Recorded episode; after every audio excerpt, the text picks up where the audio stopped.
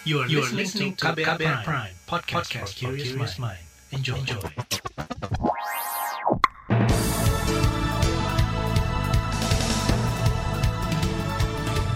Selamat pagi saudara, senang sekali kami bisa menjumpai Anda kembali melalui program Buletin Pagi untuk edisi hari ini Kamis 14 Oktober 2021 bersama saya Agus Lukman.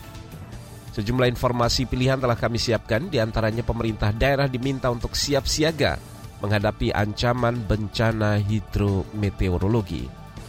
Presiden Jokowi mendorong hilirisasi industri berbasis sumber daya alam. Dan dari Jawa Timur, kawasan cagar alam Kawah Ijen terbakar. Inilah Buletin Pagi selengkapnya. Terbaru di Buletin Pagi. Saudara, Badan Nasional Penanggulangan Bencana BNPB meminta pemerintah daerah meningkatkan kesiapsiagaan terhadap potensi bahaya bencana yang disebabkan cuaca atau hidrometeorologi di musim penghujan. Dalam keterangan tertulisnya, Deputi Bidang Pencegahan di BNPB Prasinta Dewi meminta pemerintah daerah siap mencegah dan meminimalkan dampak ancaman bencana baik banjir maupun gerakan tanah selama bulan Oktober ini. Pada sepekan pertama Oktober terjadi 15 kejadian banjir di berbagai wilayah di Indonesia. BNPB juga mendorong daerah meningkatkan sosialisasi, edukasi, dan juga pengurangan resiko bencana di daerah, termasuk menyiapkan tempat evakuasi aman dengan mempertimbangkan protokol kesehatan.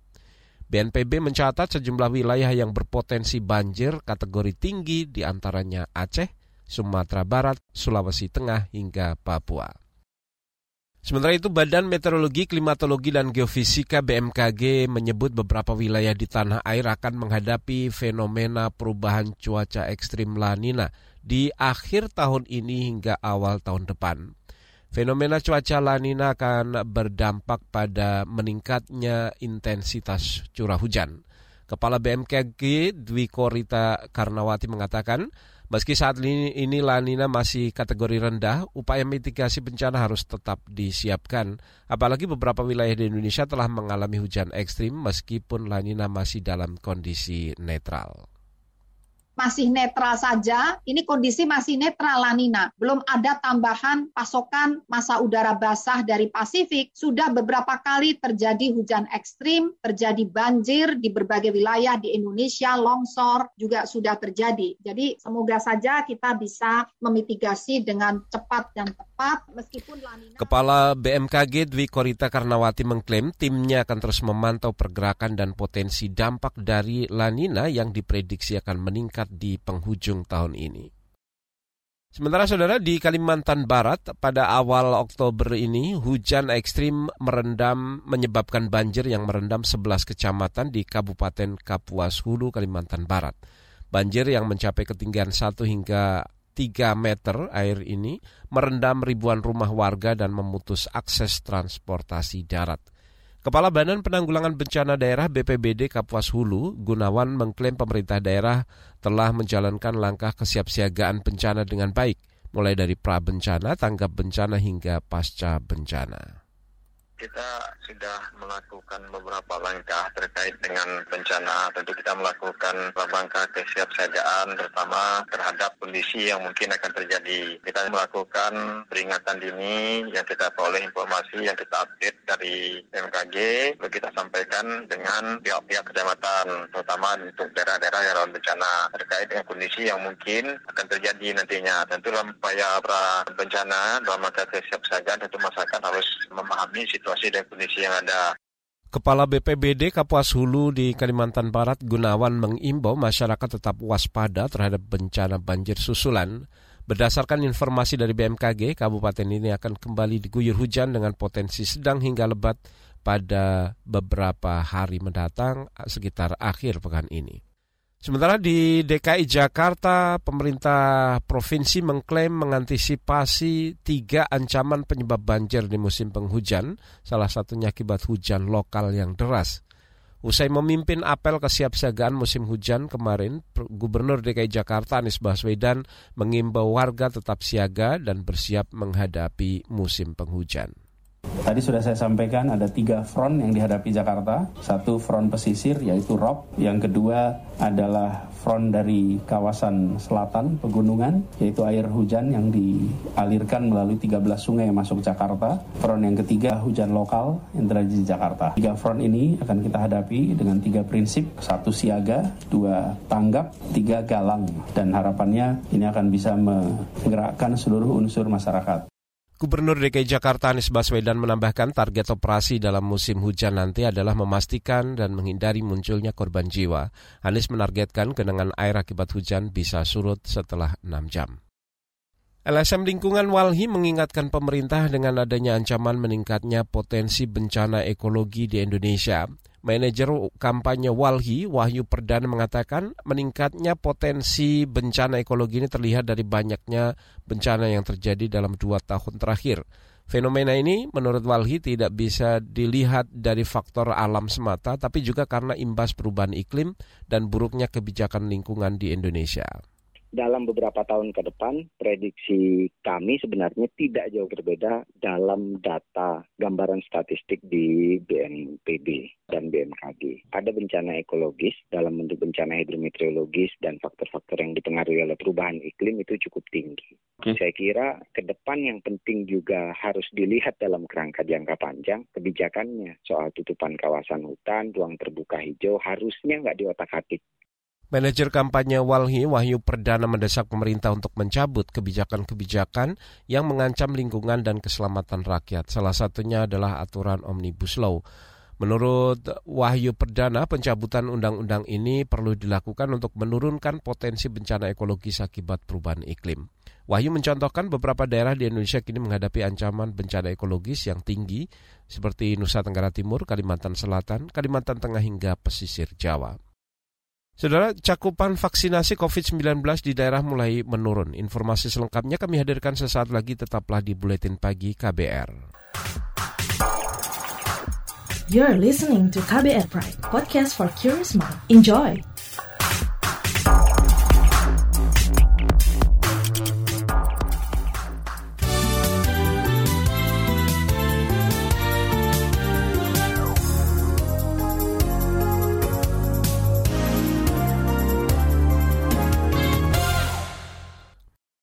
Saudara, Presiden Joko Widodo mendorong kegiatan hilirisasi industri dengan memanfaatkan sumber daya alam yang dimiliki Indonesia. Jokowi mengatakan selama ini industri pengolahan di Indonesia masih minim dan dengan hilirisasi besar-besaran Jokowi berharap ada nilai tambah yang maksimal dari kekayaan alam yang dimiliki Indonesia. Kalau tambang ya kita jangan jadi hanya tukang gali saja. Anugerah yang diberikan Allah kepada kita betul-betul sangat luar biasa besarnya. Tapi kalau kita hanya tukang gali, kemudian kita kirim keluar, mereka buat smelter di sana, kemudian dijadikan barang setengah jadi atau barang jadi, kemudian kembali ke sini kita beli. Inilah yang sedikit demi sedikit, tahap demi tahap harus mulai kita hilangkan. Nggak boleh lagi kita juga hanya jadi tukang tangkap ikan. Enggak. Harus ada industri pengolahnya di sini Presiden Joko Widodo berharap Indonesia tidak kembali kehilangan kesempatan memanfaatkan tren kenaikan harga komoditas. Jokowi memerintahkan para menteri untuk mengembangkan komoditas mineral dan batu bara agar bisa membantu perekonomian dalam negeri. Saat ini sejumlah harga komoditas minerba tengah mengalami tren kenaikan harga seperti batu bara. Kita ke informasi COVID-19, Saudara Kementerian Kesehatan meminta pemerintah daerah meningkatkan cakupan imunisasi dan juga vaksinasi. Juru bicara vaksinasi dari Kementerian Kesehatan Siti Nadia Tarmizi mengakui saat ini terjadi penurunan imunisasi di sejumlah daerah. Saat ini kita mengalami penurunan cakupan imunisasi baik di semua tingkat dan pada semua jenis vaksin ataupun imunisasi. Dan ini menjadikan tentunya kekebalan terhadap penyakit dapat menurun dan menimbulkan resiko memunculnya kejadian luar biasa di tengah pandemi COVID-19. Siti Nadia Tarmizi, juru bicara vaksinasi dari Kementerian Kesehatan mengatakan, cakupan imunisasi rutin perlu ditingkatkan selama pandemi virus corona. Ia mengatakan selain COVID-19 Indonesia juga memiliki risiko tinggi terhadap munculnya kejadian luar biasa atau KLB terhadap penyakit-penyakit yang dapat dicegah dengan imunisasi seperti campak, difteri, dan polio. Kita ke informasi lain, Badan Pengawas Obat dan Makanan BPOM mendampingi belasan penelitian obat herbal yang dapat digunakan sebagai tambahan terapi COVID-19. Kepala BPWM Penny Lukito mengatakan penelitian obat dari bahan alam dihasilkan dari biodiversitas yang tersebar di seluruh Nusantara. Kita menjalani masa-masa pandemi COVID-19 ini, pengembangan obat bahan alam juga menjadi prioritas dari berbagai penelitian yang di, dilakukan untuk penanganan COVID-19. Badan POM juga saat ini tengah mendampingi 15 penelitian obat herbal atau obat berbahan alam sebagai tambahan atau ajuvan dari terapi COVID-19 dengan eh, progres yang beragam tentunya dari setiap penelitian ini. Kepala Badan Obat Pengawasan Obat dan Makanan BPOM, Penny Lukito menjelaskan, dari 15 penelitian yang dilakukan, dua penelitian berstatus selesai uji klinis dan berproses registrasi, sedangkan tujuh penelitian kini berstatus proses penelitian. Sementara dua penelitian lain masih dalam pendampingan penyusunan protokol uji klinis dan empat penelitian lagi dalam proses tahapan uji praklinis. Kita ke informasi olahraga dari ajang Pekan Olahraga Nasional PON ke-20 Papua. Jawa Barat masih memimpin perolehan sementara medali di ajang PON ke-20 Papua. Jawa Barat mengumpulkan 125 medali emas, 97 perak dan 111 perunggu. Di posisi kedua Jawa Timur dengan 106 emas, 86 perak dan 78 perunggu. Provinsi DKI Jakarta melorot ke posisi 3 dengan 99 emas, 87 perak, dan 96 perunggu. Kemudian tuan rumah Papua berada di posisi 4, diikuti Bali dan Jawa Tengah di posisi 5 dan 6. Sementara Kalimantan Utara, Maluku Utara, dan Sulawesi Barat, Sulawesi Barat berada di posisi terbawah klasmen perolehan medali. Masih dari informasi olahraga, kita ke ajang Piala Thomas 2021 tim bulu tangkis putra Indonesia berhasil mengalahkan Taiwan dengan skor 3-2 di partai terakhir penyisihan grup A Piala Thomas. Dalam turnamen yang digelar di Denmark ini kemenangan tim Indonesia disumbang oleh tunggal putra Indonesia Anthony Ginting dan tunggal putra Cesar Hiran Rustavito. Hasil ini membuat Indonesia lolos ke babak berikutnya dengan status juara grup. Kita ke informasi mancanegara, saudara. Indonesia meminta dunia internasional mengawal masa transisi Afghanistan menuju kondisi stabil, damai, dan sejahtera. Hal ini disampaikan Presiden Jokowi dalam KTT luar biasa G20 tentang Afghanistan secara virtual pada beberapa pada hari Selasa lalu. Dalam KTT luar biasa G20 itu juga dibahas upaya memperkuat koordinasi internasional dan dukungan PBB mengatasi krisis kemanusiaan, ekonomi, keamanan di Afghanistan. Di bagian berikutnya, saudara kami hadirkan laporan khas KBR mengenai pembukaan wisatawan mancanegara ke Bali antara ekonomi dan kesehatan. Nantikan informasinya sesaat lagi tetaplah di Buletin Pagi KBR. You're listening to KBR Pride, podcast for curious mind. Enjoy!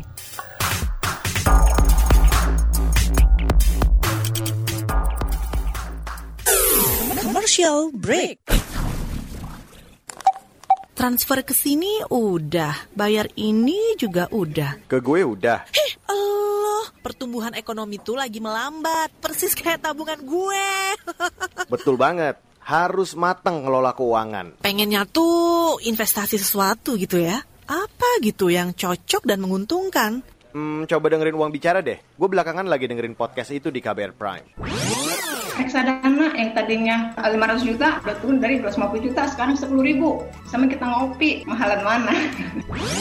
Ketika itu ada keputusan yang kayak begitu investor harus tahu gitu oh ada keputusan ini berarti implikasinya apa orang mungkin perluas literasi kamu lewat podcast Uang Bicara Uang Bicara menavigasi kamu dengan menghadirkan bahasan-bahasan seru dan populer mulai dari investasi sampai kebijakan.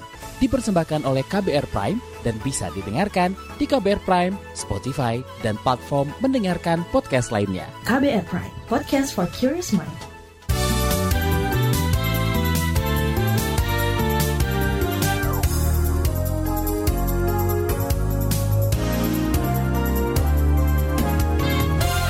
Anda masih bersama kami di Buletin Pagi KBR. Pemerintah bakal membuka destinasi wisata Bali untuk wisatawan mancanegara setelah grafik kasus COVID-19 menurun. Pembukaan ini diharapkan bisa mendongkrak perekonomian Bali yang terpuruk akibat pandemi COVID-19. Bagaimana caranya agar membuka pariwisata di Bali tapi tetap aman dari virus corona? Berikut laporan khas KBR dibacakan Fitri Anggraini. Setelah hampir dua tahun mati suri karena pandemi, Bali bersiap menyambut kembali turis dari luar negeri. Pemerintah akan membuka Pulau Dewata itu untuk wisatawan mancanegara mulai 14 Oktober 2021. Wakil Ketua Komite Penanganan COVID-19 dan Pemulihan Ekonomi Nasional, Luhut Binsar Panjaitan berjanji pembukaan akan dilakukan hati-hati, mengingat tingkat penularan virus COVID-19 atau positivity rate di Bali belum di bawah angka satu. Pembukaan penerbangan internasional ke Bali yang akan dilakukan pada pekan ini diharapkan mampu untuk memulihkan ekonomi Bali secara bertahap yang masih jauh di bawah kondisi pandemi, pra-pandemi. Namun pembukaan harus tetap dilakukan secara hati-hati sekali walaupun kenaikan kasus sudah menurun, tetap RT masih belum berada di bawah satu. Tapi kita berharap dalam minggu ini akan di bawah satu. Rencana pembukaan Bali sesuai arahan Presiden dalam uh, ratas siang ini beliau menyampaikan agar betul-betul disiapkan secara maksimal dan harus dilakukan simulasi terlebih dahulu sebelum benar-benar dibuka. Presiden berpesan agar protokol kedatangan di pintu-pintu masuk harus benar-benar diperhatikan serta manajemen karantina harus clean dan transparan. Dan target capaian vaksinasi juga harus dapat dikejar sebelum benar-benar dibuka. Pemerintah mengklaim tak sembarangan membuka Bali pemerintah akan menerapkan syarat ketat dan ketentuan bagi turis asing yang akan berwisata di Bali. Luhut Binsar Panjaitan yang juga koordinator PPKM Jawa Bali mengatakan turis asing wajib berasal dari negara dengan kasus COVID-19 level 1 dan 2 yang rasio positifnya berada di bawah 5 persen. Para pelancong harus sudah divaksin serta menyertakan hasil tes PCR maksimal 3 kali 24 jam sebelum berangkat. Selain itu, mereka juga harus memiliki bukti akomodasi selama di Indonesia dan asuransi yang bisa menanggung jika ada perawatan akibat COVID-19. Sejumlah kabupaten kota di Bali sejauh ini masih berada pada level 3. Meski begitu, Luhut berharap status PPKM di Bali dapat turun ke level 2. Kemudian Bali sudah kita persiapkan dengan baik, karena Bali kita harapkan akan level 2 sejalan dengan Gianyar nanti bisa 40 persen uh, vaksin apa namanya lansianya, jadi posisinya juga makin baik. Pembukaan wisata Bali untuk turis asing disambut baik oleh para pelaku usaha perjalanan wisata. Wakil Ketua Asosiasi Perusahaan Perjalanan Wisata Indonesia Asita Budianto Ardiansyah mengingatkan agar para pelaku usaha perjalanan wisata melengkapi paket wisata dengan alat protokol kesehatan. Ia menambahkan selama berada di tanah air, penting untuk mengarahkan para turis asing ke tempat-tempat yang telah memiliki fasilitas CHSE yang baik. CHSE merupakan penerapan protokol kesehatan yang berbasis pada kebersihan, kesehatan, keamanan, dan kelestarian lingkungan yang saya ingatkan adalah bahwa di dalam paket-paket wisata atau handling dari wisatawan yang ada sekarang itu memang tidak harus dimasukkan uh, apa namanya protokol kesehatan ya. Adu dan siapa, apa yang include dan exclude-nya itu semua harus jelas. Yang include di dalam tentu saja memang harus termasuk juga hal-hal yang bersifat ada ada penerapan protokol kesehatan ya. Katakanlah misalnya di dalam kits buat wisatawan itu harus ada masker ya, terus ada hand sanitizer, kemudian apakah face shield dan sebagainya lah ya. Kalangan ahli epidemiologi memberi catatan agar pembukaan Bali tetap aman dari potensi penularan COVID-19. Epidemiolog dari Universitas Griffith Australia Diki Budiman mendorong ada uji coba lebih dahulu sebelum Bali dibuka untuk turis asing.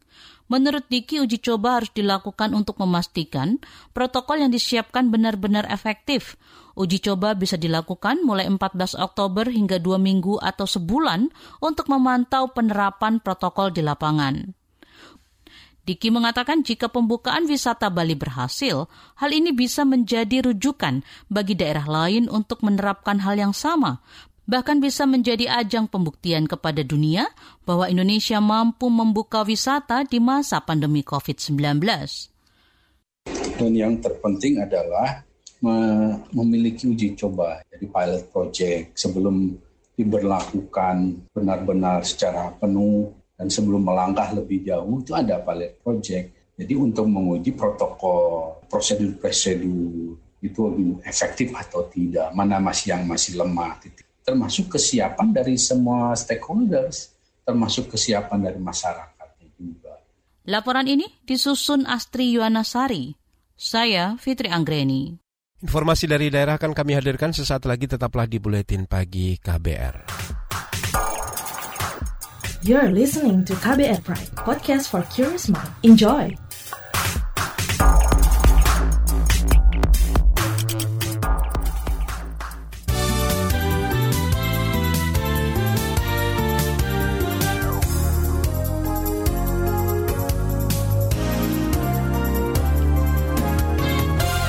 Kita berada di bagian akhir buletin pagi KBR, kita ke Jawa Timur.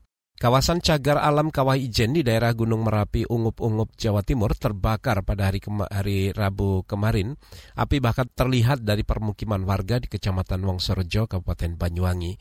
Namun menurut Kepala Bidang Kedaruratan dan Logistik BPBD Banyuwangi, Ponirin, belum bisa dipastikan lokasi titik kebakaran tersebut. Uh, itu titik itu ada di itu loh wilayahnya BKSDA Ijen dekat ungu-ungu ya daerah sana. Cuman teman-teman BKSDA Ijen itu kelihatannya masih uh, mendata atau mencari informasi secara detail. Kebakaran itu kan mulai pagi kemarin kalau nggak salah titik itu terlihat. Hmm. Titik terlihat mulai pagi, cuman sampai dengan hari ini kami mencari informasi detail belum dapat. Itu tadi saudara Kepala Bidang Kedaruratan dan Logistik BPBD Banyuwangi Ponirin. Sementara Kepala Resort Taman Wisata Alam Gunung Ijen Sigit Haribiwibowo mengatakan lokasi kebakaran cukup jauh dari tempat wisata alam Gunung Ijen. Meski begitu, pihaknya tetap mewaspadai kemungkinan munculnya titik api di kawasan Gunung Ijen.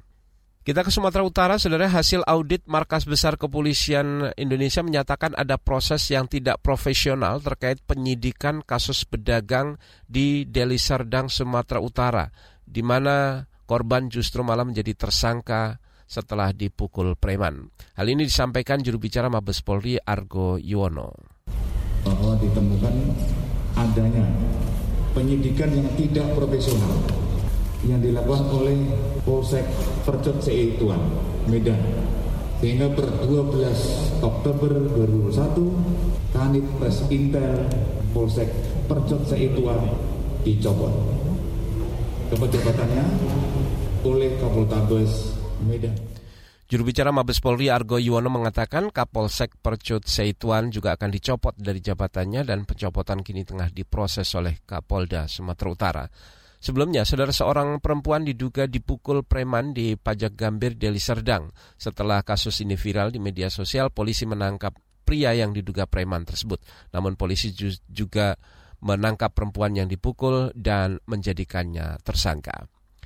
Informasi saat tadi saudara menutup jumpa kita di Buletin Pagi KBR hari ini. Pantau terus informasi terbaru melalui kabar baru, situs kbr.id, Twitter kami di akun @beritaKBR serta podcast di alamat kbrprime.id.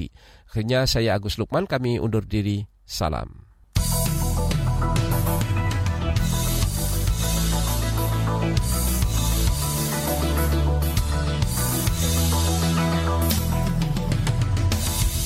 KBR Prime, cara asik mendengar berita. KBR Prime, podcast for curious mind.